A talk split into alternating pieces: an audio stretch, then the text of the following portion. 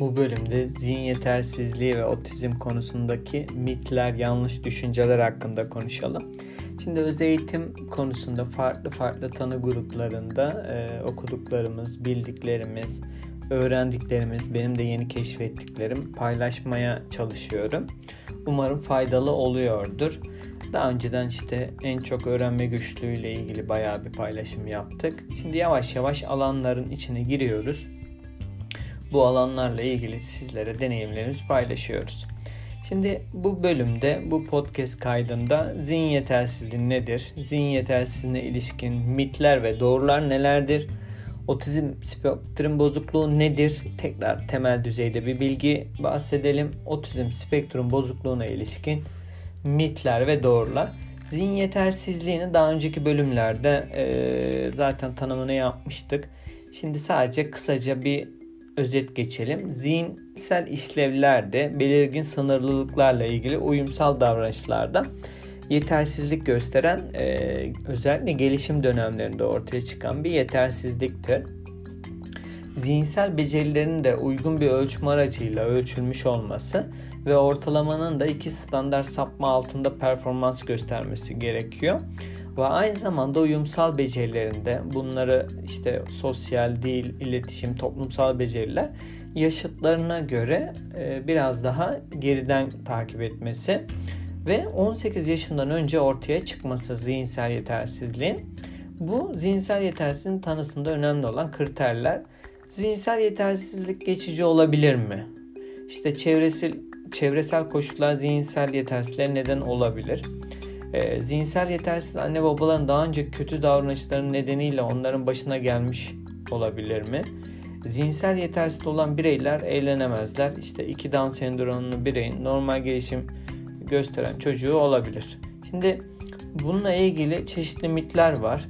E, mesela zihinsel yeter, yetersizlik yalnızca kalıtımsal bir sorundur. Mit bazen kalıtımsal olarak da açıklanabiliyor ancak çoğunlukla önlenebilen çevresel etmenlerle de ortaya çıkabiliyor.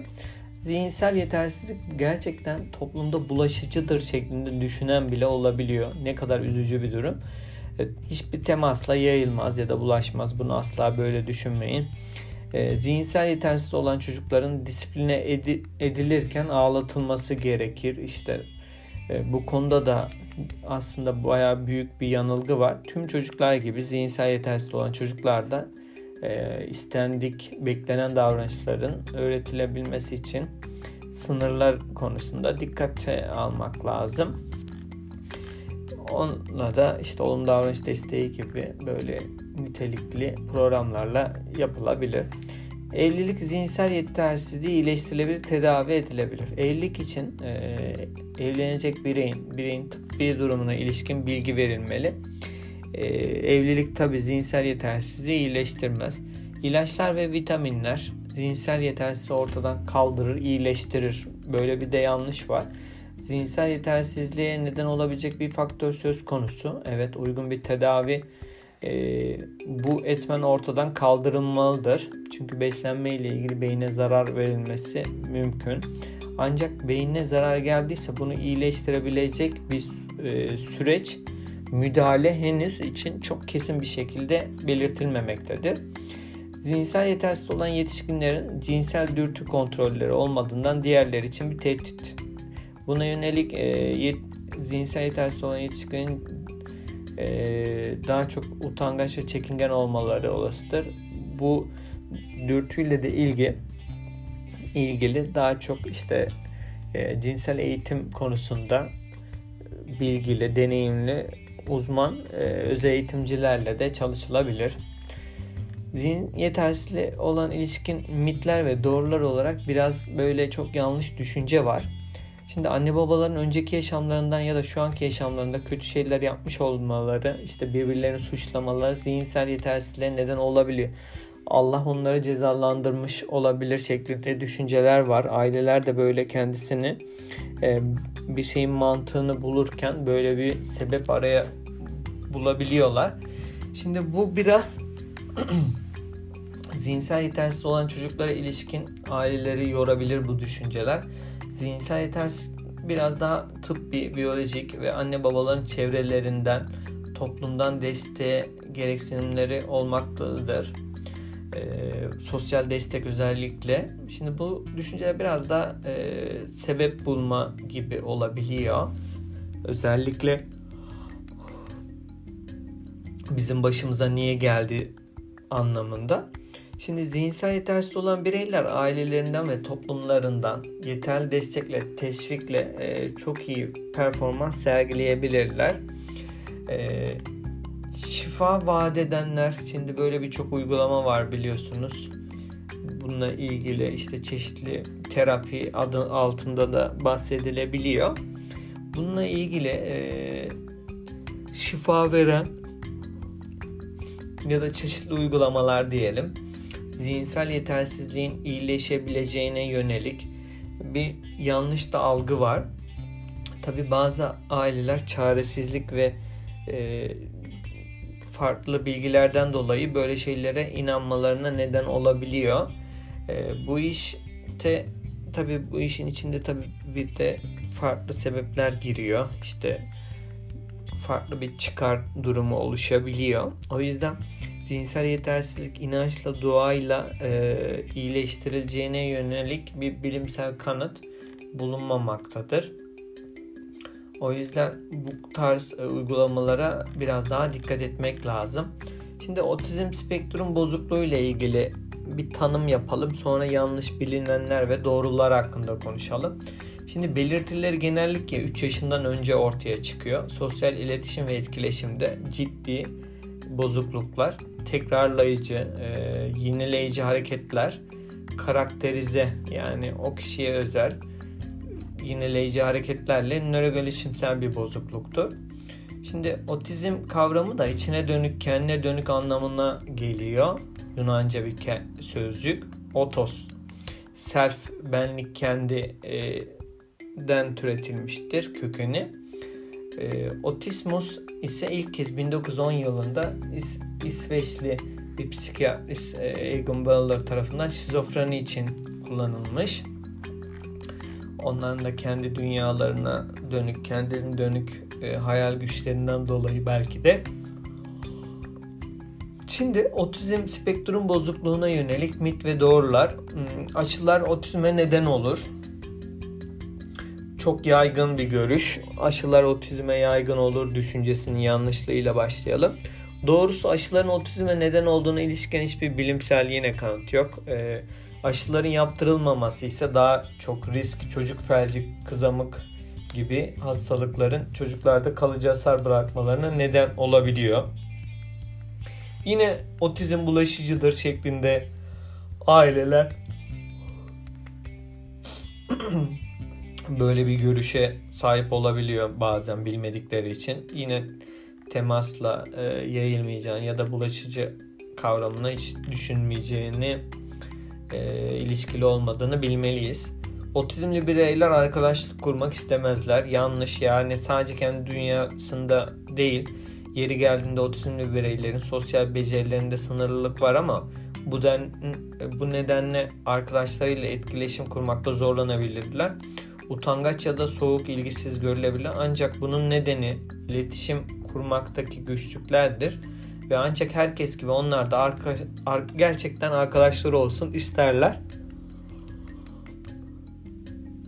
Bu durum e, iyi eğitim alındıkça, sosyal beceriler geliştikçe zamanla aşılabilmektedir. Şimdi yanlış bir bilgilerden devam edersek otizmli bireyler için e, hiçbir şey hissetmezler hiçbir duygu ifadesi sergilemezler gibi işte mutluluk, üzgünlük şeklinde. Burada da e, gerçek otizmli olan bireylerin duyguları var. Bunlara karşı onları karşındakine iletmekle ilgili sınırlılıkları bulunur. Duygularını farklı şekilde ifade edebilirler. Sizin de duygularınızı farklı şekilde algılayabilirler. Yani onlar hiçbir şey hissetmez cümlesi de yanlış bir cümle. Şimdi otizmli bireylerin diğerlerinin duygularını anlayamazlar. Ee, şimdi bunlar sosyal beceri kaynaklı yorumlar genelde. Böyle bir durum e, otizmli bireyin kişiler arası iletişimini olumsuz yönde etkiliyor zaten. Ama bu nedenle otizmli birey üzgün olduğunuzu yalnızda beden dilinize bakarak bu durumla ilgili e, ses tonunuzdan fark edemeyebilir. Ama Duygularınızı doğrudan ifade ettiğimizde otizmli bireyler de empati kurabilir, diğerlerine şefkat duyabilirler. Şimdi bunlar hep değişken yani çocuğun bireysel özelliklerine de bağlı durumlar. E, otizmli bireyler zihin engellidir. Şimdi bu da şöyle bir yanlış düşünce.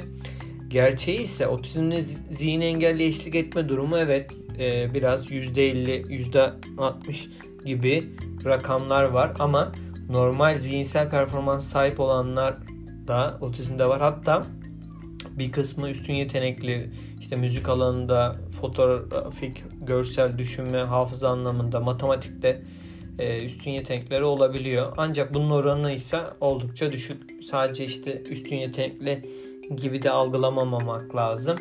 E, otizmle ilgili olarak e, işte her otizmli üstün yetenekli gibi bir algıda dolaşıyor maalesef.